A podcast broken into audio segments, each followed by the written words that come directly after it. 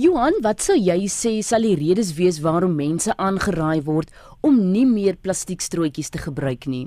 Uh, volgens statistiek wat ek gekry het op die World Wildlife Fund, word daar beraam dat ongeveer 1 miljoen seevoëls en 100 000 marine soogdiere jaarliks doodgaan as gevolg van plastiekbesoedeling.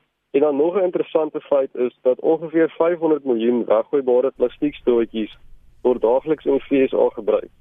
Nou om vir jou idee te gee, dit is omtrent genoeg om 2 maal om die aarde se ewenaar te strek. So dit is duidelik 'n baie groot probleem uh, op die aarde.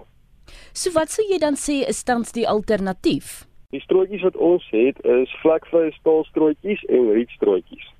Maar behalwe hierdie alternatiewe is daar ook bamboestrootjies en glasstrootjies en dan kry jy ook um, papierstrootjies.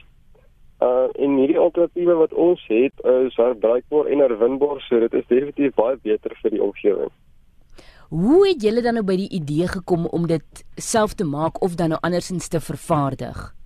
Ons het foto's op die internet gesien van strande wat baie besoedel is en ook van seediere wat doodgaan as gevolg van die besoedeling en toe het ons besluit dat ons wil graag 'n impak hê hierop.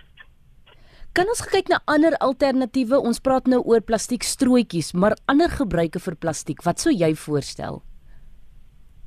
Ander gebruike in plaas van plastiek is byvoorbeeld herbruikbare winkelsakke wat jy weer kan gebruik um, en nie weg is te gooi nie. Dan is daar ook herwinbare wegneem ete boksies en hierdie tipe boksies kan jy gebruik in plaas van plastiek boksies en dit is herwinbaar en dit is ook baie beter vir die omgewing.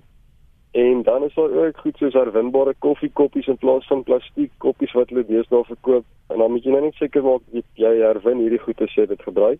En dit dan Johan Orfer wat praat oor die wegdoen van plastiekstrootjies en die gebruik van alternatiewe.